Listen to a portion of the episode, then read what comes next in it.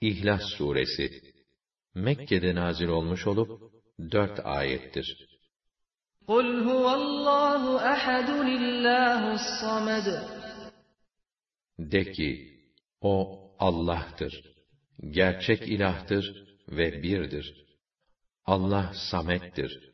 لَمْ يَلِدْ وَلَمْ يُولَدْ وَلَمْ يَكُنْ لَهُ كُفُوًا أَحَدٌ Ne doğurdu, ne de doğruldu.